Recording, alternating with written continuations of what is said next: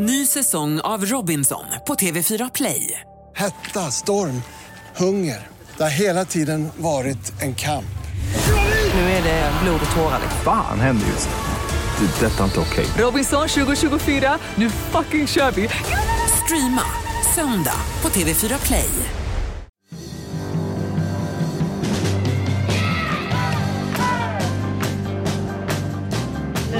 Hej Helena! Hej Mona. Nu, är- nu är det snart första advent. Det trodde du var redan nu. Ja, jag tror det. Jag ville Nej, att det du skulle ville vara att det skulle vara det. Du är lite ivrig. Vad, Ja. vad vill du göra då när det är första advent? Eh, ja, men då har jag ju redan smyckat det lilla jag alltid gör. Men det är alltid adventsljusstaken. Mm. Och sen är det såna här halvgulliga små tomtar som barnbarnen har gjort. Är Ja men alltså de är jättegulliga. Ja, jättegulliga. Och sen någon julgardin. Den har jag Ja. inte satt upp än. Så det är lite såna där punkter i lägenheten. Men har du, jag har en kompis som har så här jullåda 1, jullåda 2, jullåda 3. Så att man börjar med ettan. Och det är de här lite liksom... de är lite Ja, de här, jul. lite, de här som den här advents... eh, Tri, den här som är som en triangel. Ja, den kan man ju precis. sätta fram. Ja. Eh, i, den är låda 1. Mm. Några sådana grejer. Och sen hettar det till Och blir allt det efter och mer låda. avancerat Ja, då. precis. Jösses. Exakt. Och i jullåda 3 då ligger liksom julgranskulor och sånt. Ja, men jag gillar förstadiet till julen mer än själva julen. Ja, jag kan hålla med dig om det. Första advent och allt det där och Ja. julstjärn, det är ju helt mysigt. Där det strålar en stjärna så underbart. Den är din typ. bästa. Ja.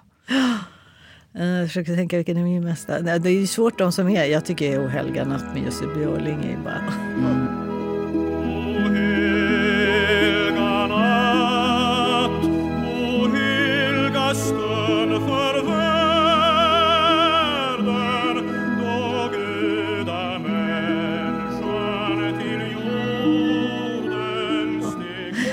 är så fin, men den är omöjlig vår producent att jag ska Men sjunga. den O helga natt. Da, da, da. Ja, där måste man ju vara tenor för att sjunga. Lite darr. Ja, men det är ju det. Det är det som är... det. Är sen nästan falla i gråt. Vilket får mig osökt att Ja. komma in på det som jag ville prata med dig om. Det har ju varit eh, diskussioner, de har väl redan hunnit på ett sätt ebba, ebba ut, men ämnet är fortfarande så pass intressant tycker jag, om Magdalena Anderssons tårar. Och ebba ut. Då fick jag andra tankar på ebbor som borde Jaha. gå ut. ja, förlåt. Ja, Ja. okej. Men, eh, nej, men jag tycker det där med gråt är väldigt intressant. Eh, Jag är själv en... Jag har så otroligt lätt att identifiera mig med den som börjar gråta för att eh, jag gör det så lätt själv. Och speciellt i de här lägena när jag känner mig kränkt. Och framförallt i liksom nära relationer, speciellt kärleksrelationer. Där är det, det är inte kort. Den är inte lång menar jag, Nej. den startsträckan. Nej. Men alltså Liksom- bli kränkt, att bli så här orättvis behandlad eller... Ja, då kan det vara. Jag har blivit lite bättre på det, men det, det kan ligga där. Jag kan ju till och med, jag tror inte att jag har börjat gråta, men det har varit bra nära i sådana här lägen när, jag, när någonting har blivit så här, nej du får inte byta den här för att, när jag tycker att jag blir utsatt för en sån här liten töntig liksom, orättvisa. Då kan det ligga så här. Då, då, då känner jag så här, oj vilken haveristgen som kan utvecklas. Men, men känner du innan att du vet att oj, nu, nu kommer det till ett sånt läge, nu kommer jag snart att börja gråta. Försöker du låta bli då eller bara Alltid. släpper du loss? Nej, jag försöker nog alltid, just den typen av tårar försöker jag nog alltid hålla tillbaka. Och jag tycker nog att om jag ser tillbaka eh, på Allting blir ju bättre med åldern, eller hur? Man lär sig behärska sig en aning. Men när jag ser tillbaka på när jag var yngre, då tyckte jag att jag, jag grät jämt. Och det är ganska intressant. I, när jag var på något bibliotek för ett tag sedan eh, och pratade om mina böcker, eh, som jag gör ibland. Och, eh, då, då kom det fram en kvinna till mig och sa ja, jag läser alltid dina böcker men det är en sak jag tänkt på. De gråter väldigt mycket. Jaså? Ja. Och det, det har också min redaktör sagt när han går igenom mitt manus om till den senaste romanen då, 1979 som jag håller på med, snart är klar. Då har han skrivit så här lite i kanten när det står att några tårar trillar på någon av personerna. Vanligt? Frågetecken. Vanligt, frågetecken. Så jag har försökt få dem lite mera sansade. Men eh, Men varför är det så... Man tänker, vi människor vi har ju massa olika känslor. Ja. Vi blir förbannade, vi blir ledsna, vi skrattar och vi gråter. Och varför är just gråten något som ofta är så skuldbelagt? Det jag. finns ju någonting i det här. Eh, jag, jag, nu, om jag nu ska generalisera eh, och generalisera på ett sätt där jag själv passar in så är det att eh, istället för att bli arg så börjar man gråta. Och det är någonting som tillhör liksom mer kvinnliga kulturen. Att eh, man borde bli mer arg, man borde gråta mindre. Och att jag tror att jag, jag har ju, är ju uppväxt med eller har lärt mig, sög tidigt åt mig ett sånt där eh, ett beteende som präglas av vanmakt. Att man får, man är liksom, det är vad man har att ta till. Att jag liksom tar till tårar. Och det, är inte, och det ska man inte förväxla till det här vidriga som folk säger, krokodiltårar. För jag tycker att i faktiskt största fall, de flesta som använder uttrycket krokodiltårar, de har stängt av någonting i sitt inre. De har liksom slutat vara mänskliga i någon, Ja, också, något de avseende. förutsätter att eh, alla människor de möter är liksom fejk. Ja, Att man precis. låtsas fram, framförallt politiker, då, att man aldrig är ärlig. Utan politiker är alltid en baktanke. Bakom Ja. ett skratt, eller bakom en klänning eller Ja. bakom en tår. Just det. Det tycker jag man möter Känns det ofta. så? Ja, det känns, jag tycker så är det verkligen. Så är det. Mm. Och därför gjorde det, just det gjorde mig nog mest upprörd med kritiken mot, mot Magdalena. För hon är ju en, en väldigt strikt kontrollerad person på många sätt. Med en stor integritet. Eh, och jag har aldrig sett henne ens vara i närheten av tårar. Men när hon blev så oerhört ledsen då i riksdagen så var det för att hon blev ledsen. Eh, Och hon kämpade ju, tycker jag, som ett djur för att inte låta tårarna komma fram. Hon var tyst länge, hon sa sina ord och så kämpade hon sig tillbaka. Och det gör mig så ont då att få den här påhoppen, tycker jag, om att åh, vad larvig och hon bara försöker och hon var pressad och då börjar hon gråta. Det är, åh, jag tycker det är så hemskt. Men jag tycker med... Alltså för väldigt länge sedan, jag fick också den kritiken. Det var när Fadim, Fadime hade blivit mördad. Eh, Och Fadime, hon som blev mördad av sin egen pappa. av sin pappa, ja. En av de första ja, hedersmorden som verkligen blev allmänt eh, debatterat och äntligen förstått. Men hon begravdes ju nästan som en, ja, som en statsbegravning i Uppsala domkyrka. Talmannen, som då var Birgitta Dahl, var där. Prinsessan Victoria var där. Och då, på ena sidan kistan så satt hennes familj och på andra sidan kistan satt vi, då, det offentliga Sverige. Och vi satt och tittade på varann över den här kistan med Fadime som låg emellan. Det var, ja, det var så speciellt. Och så började de spela musiken.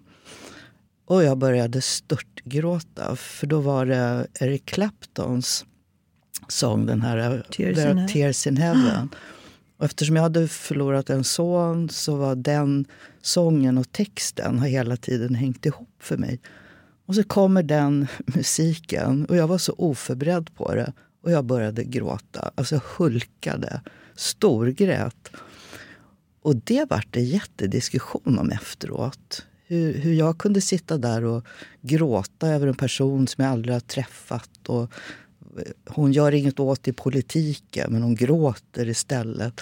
Och det var så förolämpande. För det är ju inte alltid man kanske vill förklara varför den här stora gråten kom. Nej, nej, precis. Och jag menar, begravningar är ju så. Det är ju ett rum som präglas av eh, att liksom en samling inför sorgen, en samling av sorg. Så att man, man kan ju börja gråta väldigt lätt. För, Ja. och det är inte, men det är någonting med det där som är eh, obehagligt. Alltså det är ju någonting det här att det alltid ska vara att man gråter av beräkning. Var kommer den, var kommer den föreställningen ifrån? Jag kan känna just i, i i relationen blivit arg på en man, till exempel någon man har haft. Eh, och att jag blir så här, okej, nu gråter jag. Men, men det betyder inte att, att, jag, att i den där stunden när det brister och tårarna börjar komma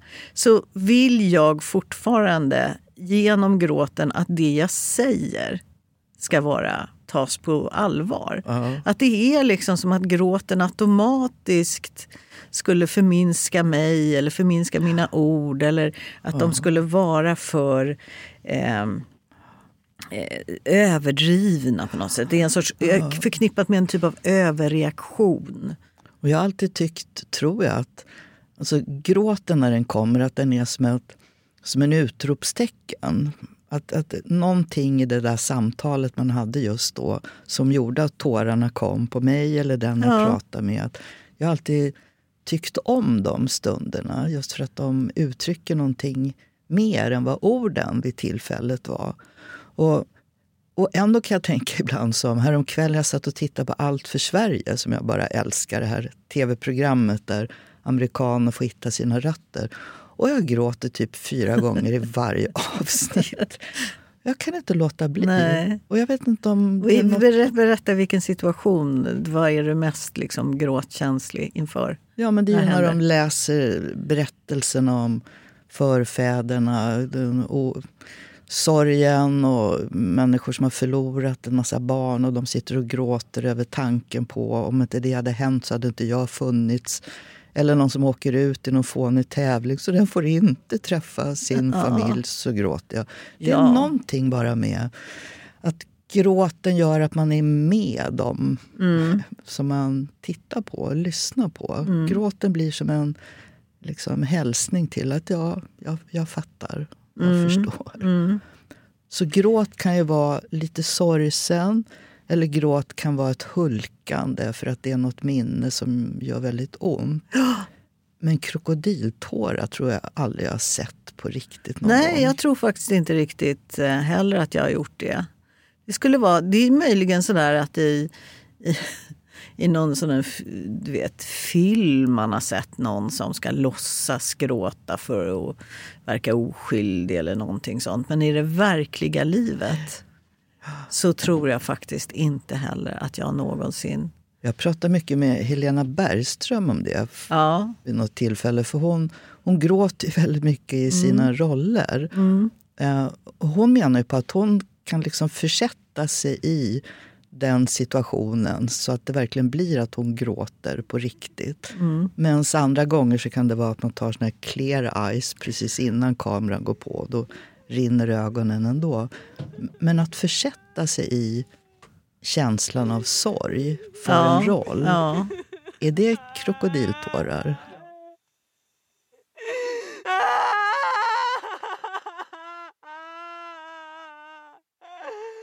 Jag tänker så här att om man, om man frågar många män eller om man frågar någon man som har stött på mig i livet så kanske den personen tycker att de- där tårarna var någonting som kändes väldigt obehagligt. För att, att någon gråter för något man har sagt eller gjort, det skapar skuldkänslor. Och att man upplever sig manipulerad eller trängd av att liksom få skuldkänslor på sig. Och då är det ju lite sådär att om någon gråter så är det sådär, det är på riktigt. Det är skuld. Och det är, medan jag själv känner så att det är en förbannelse att jag börjar gråta. Jag har ingen lust alls att börja gråta egentligen. Jag tycker att det är genant. Men det är ju lite ett, ett maktmedel också. Ja, det blir tänka. ju det. Men För det som blir du sa ja. hur han reagerar. Att man, man känner sig, men oj, sa jag något om du blev så ledsen? Det var inte meningen.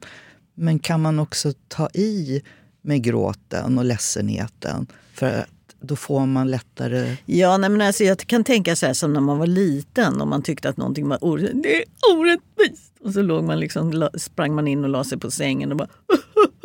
och så lyssnar man. Men det känner jag att det gjorde nog min brorsa också. Ja. Syrrorna. att Det var inte... Men visst. Nej, men, ja. Ja, jag fattar vad du menar, verkligen.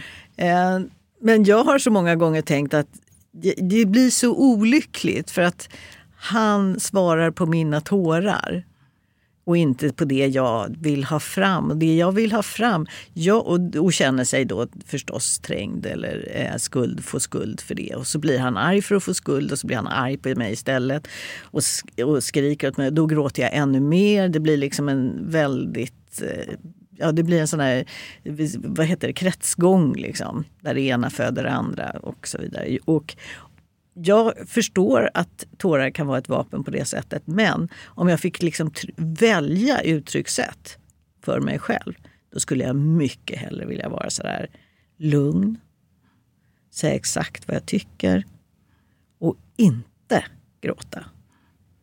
Jag tycker alltid när jag börjar gråta att jag förlorar. Men skrikande känner jag att det, det kan man ju mycket... Det styr man ju själv. Liksom. Ja, det gör nu, man Nu faktiskt. skriker jag. Ja, ja. Men som jag känner Ett poddtips från Podplay. I fallen jag aldrig glömmer djupdyker Hasse Aro i arbetet bakom några av Sveriges mest uppseendeväckande brottsutredningar. Går vi in med hemlig telefonavlyssning och, och då upplever vi att vi får en total förändring av hans beteende. Vad är det som händer nu? Vem är det som läcker? Och så säger han att jag är kriminell, jag har varit kriminell i hela mitt liv men att mörda ett barn, där går min gräns. Nya säsongen av Fallen jag aldrig glömmer på Podplay. med gråt så bara den kommer bara. Det är inget som du har bestämt dig Nej. för. Man kan ju låta sådär så, Åh, nu är jag... Men när man verkligen gråter så... Ja, fast skrikande. Ibland känner jag faktiskt att jag har upplevt att jag är liksom så pass trängd så att jag vet liksom inte riktigt vad jag gör. Okej. Eller skri- men, eh, men visst, jag förstår vad du menar. Tårarna är, när tårarna kommer så kommer tårarna. Det finns ju ingenting i världen som kan få en att liksom ta tillbaka dem. Och men hur blir... blir- du i grälsituationer? Gråter du eller är du så här saklig och lugn? och bara mal ner? Nej, men ett, va- alltså ett vanligt gräl Ja. eh, så är jag nog mer att då, då, då höjer jag rösten och Ja. vill liksom argumentera igenom och få den jag grälar med att fatta att han har fel och jag har rätt. Ja. Eh, gråt är däremot för mig, då är det verkligen sorg eller något ledsamt. Mm. Jag har aldrig gråtit mig igenom ett, ett gräl. Nej, utan då, skönt. då höjer jag rösten och blir arg. Ja. Så jag kopplar liksom inte tårarna till ilskan. Utan Nej. tårarna är något som kommer inifrån på ett annat sätt. Men om jag tänker Ostyrbar. såna här, liksom, du måste ju ha suttit i såna här otroligt känslomässiga trängda möten inom, när du, i politiken. Mm. Och har, jag kan föreställa mig att en och annan tår har fällts när det har varit så här hetsiga diskussioner. Eh, Inte från dig då, men från andra. Hur reagerar du om någon annan liksom börjar... Så här? Ja, alltså jag har ju befunnit i situationer när jag verkligen har fått kämpa för att inte gråta och det har varit svårt. Eh, jag var ju till exempel ansvarig för delar av Estonia-utredningen när den här så kallade analysgruppen skulle vara med och hjälpa oss med hur ska vi hantera det som har gått fel. Och att möta de anhöriga som ju var arga och som grät.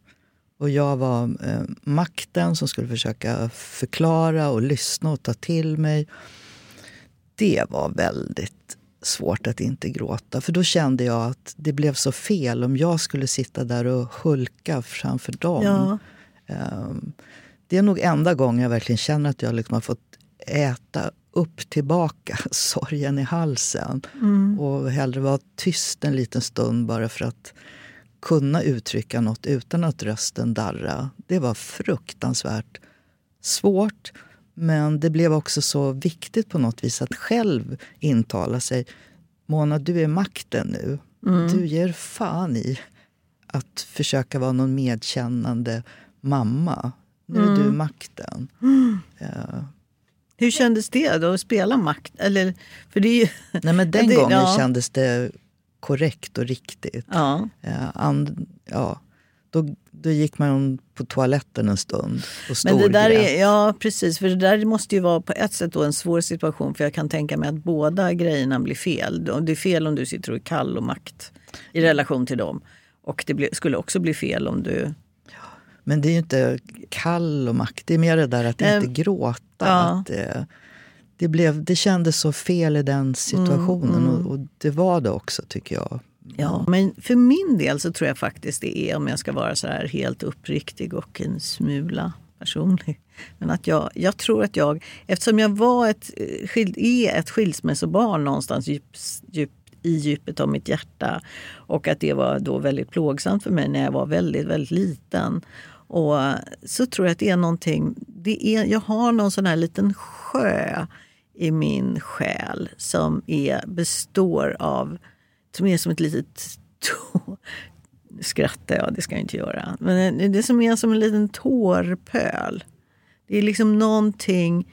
Den kan aktiveras, den här ursprungssorgen i, i liksom mina nära relationer och speciellt kärleksrelationer. Jag kan liksom halka ner i den. Är det rädslan för att bli övergiven? Som, Jag tror att det är rädslan att bli övergiven och jag tror också att det är rädslan av en... Liksom, det, det jag upplever är ju den här stora vanmakten på något sätt. Att jag tror att jag inte... Jag, jag, liksom, jag halkar ner på något sätt till att bli tre år gammal. Och jag kan bara... Liksom, det är bara tårarna bara börjar skvätta. Det är liksom... Jag blir så berörd det du säger. Det att du inte känner dig riktigt behövd? Ja, riktigt behövd och jag tror också att det handlar om någon sån här, äh, liksom, ja, att jag inte, jag inte räknas. Du inte riktigt duger? Jag, har inte, jag tror att man kan räkna upp många sådana där Ja. saker. Räknas, duger, finns, eh, tas hänsyn till. Liksom, det, är bara, det är så svårt att sätta ord på de här väldigt tidiga ursprungskänslorna. Men jag kan känna att jag har burit med mig detta. Och sen har jag märkt att just den delen är, fungerar ju väldigt bra ihop med en traditionell kvinnoroll. För att i den traditionella kvinnorollen, den allra sämsta sortens den allra sämsta delen av den traditionella kvinnorollen, så ingår det på något sätt att man man ska stå ut, man ska liksom, man, är, man eh, får sin vilja fram genom tårar, genom att veta hur man ska bete sig, genom att gå under radarn, genom att liksom gömma sina känslor i viss, till viss del. Alltså det finns så mycket kring det där som, som bara som bejakas. Men det är nå- någonting med att tårarna, gråten, blir i förhållande till, till mannen. Ja, precis. om det. Ja, så är det ofta. Om jag gråter nu så betyder det kom och trösta mig. Att Ja, fast jag, jag kan ju samtidigt vara arg. Så att om någon kommer att trösta mig då, då, då, det kan ju också bli helt fel. Det är därför det är så viktigt för mig att liksom bara känna så här att okej, jag gråter nu, men det, lyssna istället på vad På jag, vad jag säger. säger. Eller liksom, jag kan inte hjälpa det här. För det, och det är, jag tror att de flesta bara, men sluta gråt. Säger ju en del. Kan- Måste du gråta så kan du lägga av med den där gråten, strunta i den. Ehm, och jag tror att de flesta då i gråtsituationen skulle gärna vilja det. Men det är inte lätt. Men det är få som säger men sluta skratta nu hela tiden. Ja. Däremot gråten Ja. är som, den förutsätts vara manipulativ Ja. många gånger istället för att den är en uttryck för de känslor som man, som man har. Mm. Jag, jag skulle vilja kunna vara mer, ha en lite mer dos av det som jag uppfattar då som mer killigt. Att eh, kunna behärska mig. Fast det kan de väl inte heller? Eller?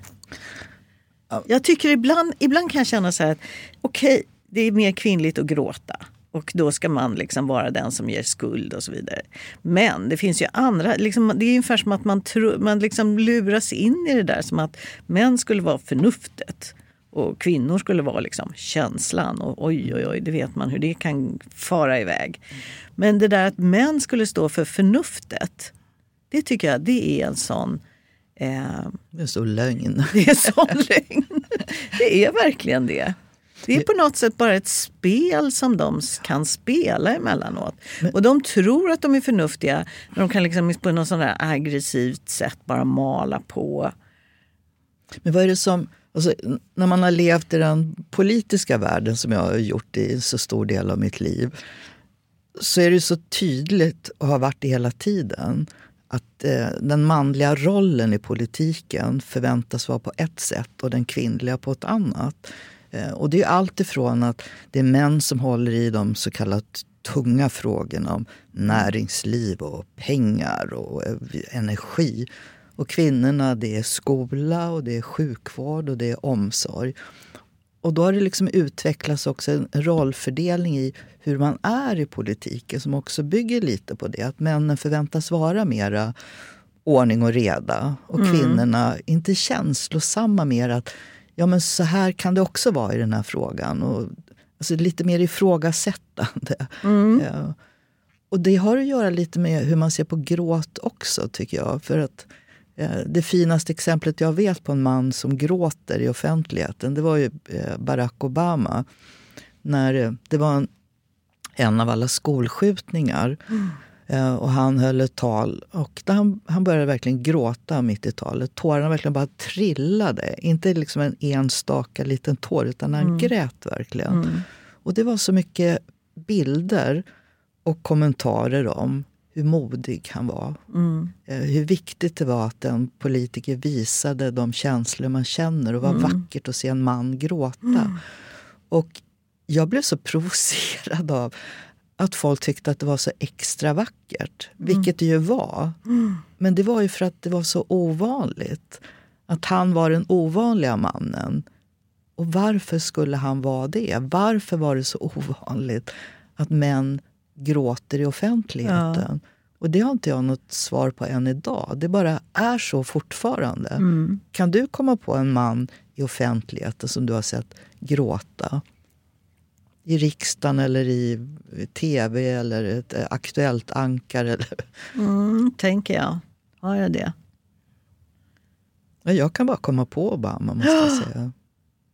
Ja, nej jag kommer nog inte heller eh, på någon just nu. Men jag tänker så här, för det är intressant det du säger, för det präglar ju då språket. Jag tänker på, om vi då tar Gunnar Strömmer. Vad skulle hända om han sa så här, men alla ni unga där ute som håller på med det här, varför är ni så ledsna?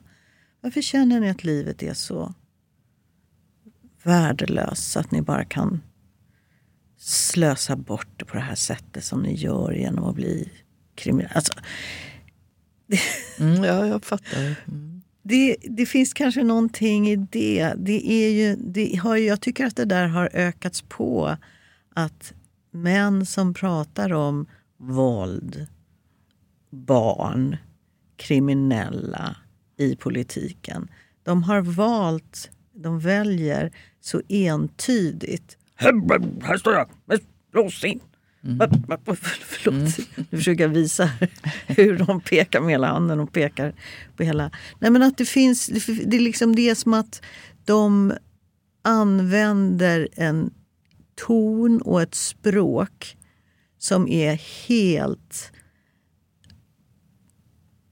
Liksom, finns inte en gnutta med inkänsla eller någon, alltså medkänsla eller någonting. Och jag, med, alltså nu kom, och jag hör det nu. Ska man ha medkänsla bara för några går och skjuter?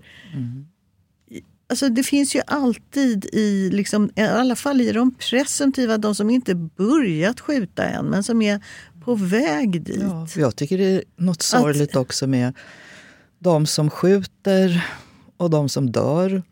Eh, och jag ha- hatar att man gör sån skillnad nu när man säger att det här offret i Uppsala var, det var en oskyldigt offer. Ja, som då är uttrycket för, för de som bara råkar hamna i den situationen. Mm. Men det är som om, om kriminella skjuter andra kriminella. Då är inte det ett oskyldigt offer. Det är ungefär som vi har dödsstraff i Sverige plötsligen. Där Ja. kriminella är okej om man dödar andra kriminella. Ja. Ja, vad det nu har att göra med, med gråt och skuld. Men Nej, men jag bara menar Sam- så här att om man, an, om man använder sin röst och sitt prat Mm. på ett speciellt sätt präglar ju ofta vilket svar man får. ja, så är det. Det är ju ganska självklart, det, det vet vi ju alla. Och då tänker jag just på politiker, alltså vilket språk man använder, vad man liksom målar upp för bild, vad man liksom, hur man pratar. Att någonstans måste ju det få ett gensvar också. Jag menar självklart inte att, liksom, att någon som står och säger hård, att det är deras fel att, någonting, att det har gått som det har gått. Men jag bara menar att det finns någonting eh, jag, jag kan bara ibland fantisera om vad skulle hända om man började prata på ett annat sätt. Det har jag tänkt på många gånger. Hur, hur och inte minst var finns det plats för de där lite djupa djupare, allvarligare eh, frågeställningar där man inte har svar utan man just samtalar för att, för att hitta svar. Ett poddtips från Podplay. I fallen jag aldrig glömmer djupdyker Hasse Aro i arbetet bakom några av Sveriges mest uppseendeväckande brottsutredningar. Går vi in med hemlig telefonavlyssning och, och då upplever vi att vi får en total förändring av hans beteende. Vad är det som händer nu? Vem är det som läcker? Och så säger han att jag är kriminell, jag har varit kriminell i hela mitt liv men att mörda ett barn, där går min gräns. Nya säsongen av Fallen jag aldrig glömmer på Podplay. Ja. Eh, Därför att det, det är så lätt att vara den där hårdhänta. Det slåss ju alla politiker om idag, att vara liksom extra mycket. Säger någon vi ska ha tre månader extra straff så säger någon nej det ska vara fyra. Så det finns ju inte ett samtal längre. Nej. Inte Och, det, någonstans. det, och jag tänker också att det som, det är ju väldigt sällan som det ger någon bra effekt. Det är också en sån här stor illusion om att om man liksom minsann sa till hitan ditan. Det är klart att, att man ibland måste säga till. Men att både på ett privat plan eller liksom också regeringsmän, en som alltid använder den typen av språk blir snart isolerad och tappar kontakten med verkligheten. Det tycker jag att man ser sådär, jag menar, jag tror att alla familjer är i alla fall förr uppväxta med det här men säg ingenting till pappa. Eller, eller eh, den här patriarken på något sätt som, som, eh, liksom, som har en familj som enas eh, bakom eller liksom i skuggan av och som bara försöker så göra som han vill i någon sorts ja, i skenet av. Man, då blir, han blir ju någon som blir hanterad. Men det blir ju genast ett glapp. Och då tänker jag bara så här att om man tycker att det här är långt, liksom så här långt ifrån kanske man kan jämföra med politiken. Eller, jag bara tänker så här att en, Jo. en ledargestalt eller ledargestalter eller partier som är alltför auktoritära i, sitt, eh, i sin liksom eh, i sitt sätt att verka kan ju få, ge illusionen av att få någonting gjort och skapa ordning och reda. Men om man bara använder lite sin kunskap om vad ett sån, sån Mm. Ja, roll gör. Jag önskar att eh, du hade rätt. Men eh, som allt har utvecklats de senaste Ja. typ 10, 15, 20 åren så är det snarare tvärtom. Att, Att ju hårdare, ju tuffare, ju mer retorisk desto mera väljare får du. ja, exakt. Men det, det, precis för att man tänker att det är illusionen av att det ska hända någonting bra. Man hoppas på det. Men i det verkliga livet tror... Funkar det? Det funkar ju inte. Det, det som fattas tycker jag mycket idag Ja. eh, det är ju att ge igenkänning åt människor som verkar ha gett upp både sina egna liv och sina sina framtidsdrömmar överhuvudtaget. Eh, och, och när samtalet i den politiska världen bara handlar om eh, straff Mm. Och nästan inget samtal handlar om men varför blev det så här? Mm. Vad, vad är det som gör att så många unga inte känner att de har någon överhuvudtaget att lita till? Ehm, Och när inte samtalet i politiken heller låter som om vi överhuvudtaget bryr oss om att fråga varför blev Mm. det så här? Mm. Det är en farlig, mycket farlig situation som Ja, jag som tänker, ja, i nu. pre- ja, just det. Och när man tänker att det blir i språkligt blir det en typ av krigsförklaring Ja. snarare än en invit till att, att vi alla på alla, liksom, i alla lag eller i alla skikt måste hjälpas åt. Jag kan ibland fantisera om skicka ut massor av kloka människor i de här liksom, kretsarna där det rekryteras, rekryteras som värst. Som på något sätt bara får hålla såna här tal om vad annat man kan göra med sitt liv. Ja, men- också att hitta alla de där kloka människorna som redan finns i Ja. de här situationerna. En stora syster, en pappa, en lärare, en fotbollstränare. Det finns ju så många som har de Ja. där kloka orden. Ibland känns det som att det är det som fattas i politiken. Att vi, vi hör bara pistolskott som går av. Och sen Mm. så slutar vi ens försöka lyssna till de andra rösterna som, som finns där. Jag såg en eh, film, en förhandsvisning av en film häromdagen som är, regisserad av Ken Loach. Eh, den kommer senare i, eh, på vårvintern, men, eller på vår, ja, vårvintern. Eh, och eh, den heter The Old Oak Tree och det handlar om en liten ganska fattig by i England och det kommer flyktingar dit. Och eh, det är en sån här feel historia Även om, om det är så här, det kommer, någon kommer från Syrien, några stycken dit. Och det är många som är emot dem, ganska många. Eh, och så finns det då en personen som har den här lilla baren som utvecklar någon typ av vänskap med en person. Det är liksom en kvinna.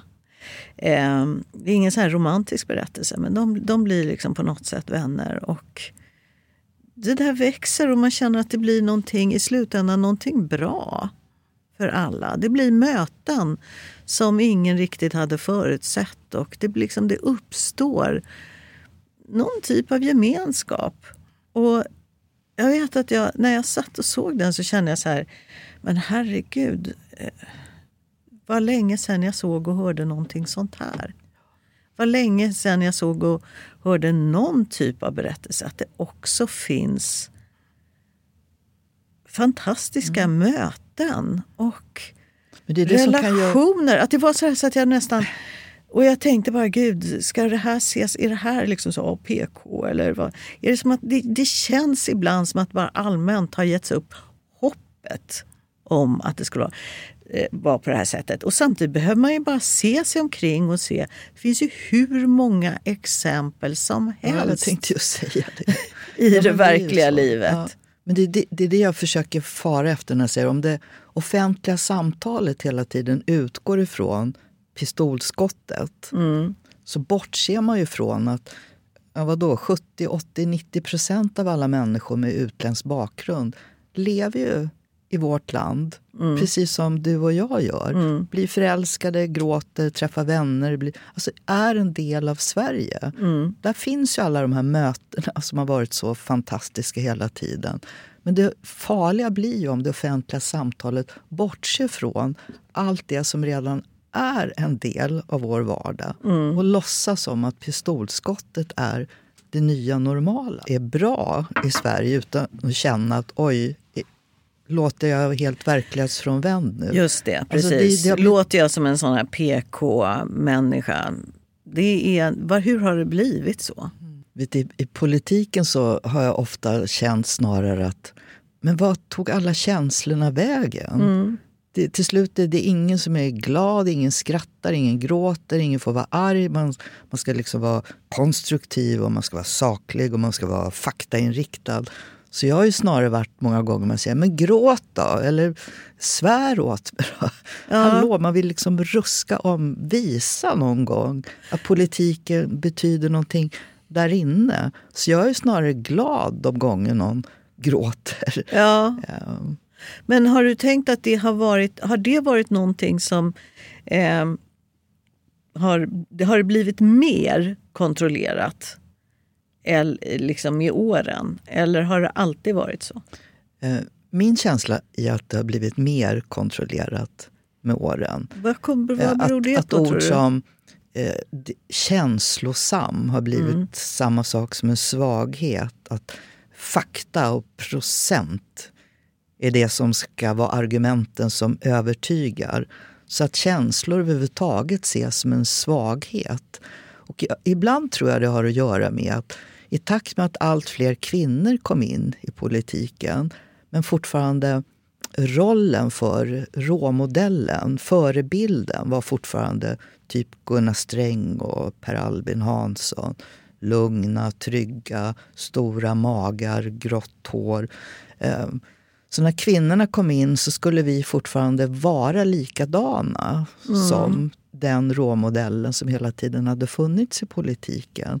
Eh, Och då blev det falskt också. Det klingade falskt. Mm. Och varje uttryck för känsla blev samma sak som en svaghet. Och där har alla anpassat sig till, känner jag. Att också vi kvinnor har gjort. Att man, man får inte visa för mycket känslor. Man ska inte gråta. Man ska inte visa sig hysterisk. Men det där är ju, för att det finns ju någonting, man tänker så här när du säger så så kan jag ändå reflektera över att det är väldigt viktigt med fakta och siffror Ja, också. verkligen. Och eh, hur kan man se på förhållandet mellan att å ena sidan just ha fakta och siffror och vara liksom kunnig och känslomässig på samma gång?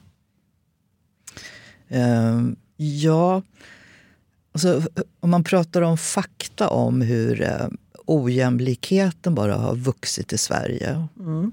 eh, så det är en sak att säga en siffra. Mm. Eh, Och en annan sak att förklara siffran med hur ojämlikheten förstör livet för barn. Hur klasstänkandet i skolan försvårar livsmöjligheter för, för tjejer.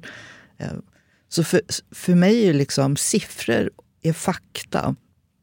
De är en väldigt viktig del i politiken, men de förklarar ju inte hur samhället har kommit att utvecklas. De är bara ett exempel på hur det har blivit. Ja, det- det jag far efter är ju att det borde vara den största uppgiften för varje politiker i varje debatt. Att göra om siffrorna till den verklighet som vi lever i. Att visa hur siffrorna har försvårat jämlikheten till exempel. Och visa med siffrorna vilka utvägar det finns i politiken.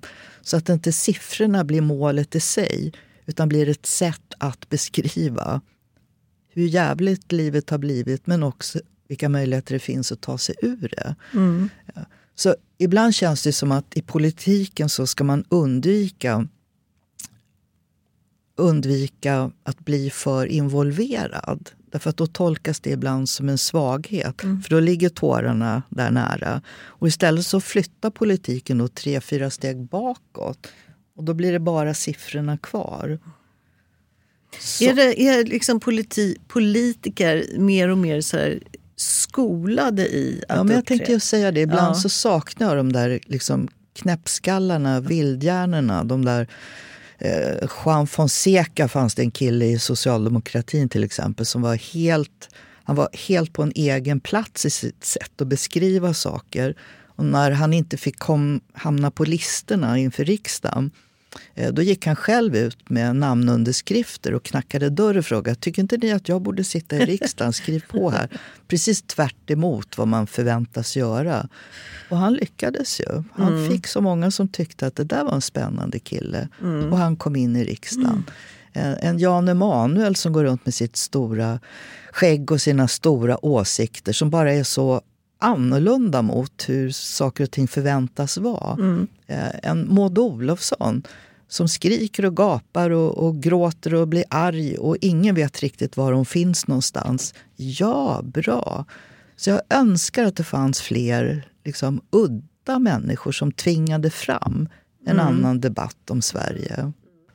Och därför blir jag både irriterad, provocerad men också gillar verkligen personer i politiken som är som Jan Emanuel.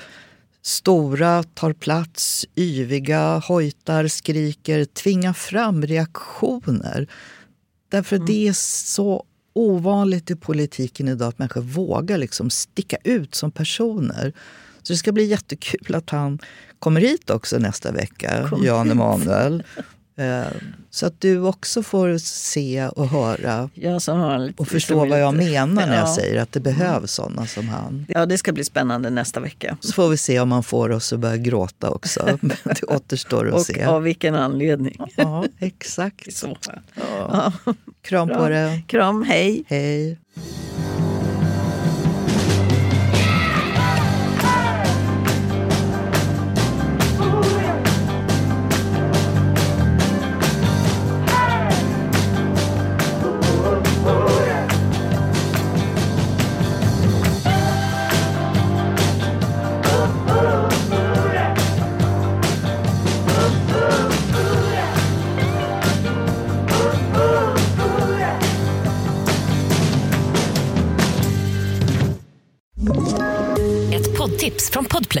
I podden Något Kaiko garanterar östgötarna Brutti och jag, Davva, dig en stor dos skratt. Där följer jag pladask för köttätandet igen. Man är lite som en jävla vampyr. Man har fått lite blodsmak och då måste man ha mer. Udda spaningar, fängslande anekdoter och en och annan arg rant. Jag måste ha mitt kaffe på morgonen för annars är jag ingen trevlig människa. Då är du ingen trevlig människa, punkt. Något Kaiko, hör du på Podplay. Därför är gardinerna.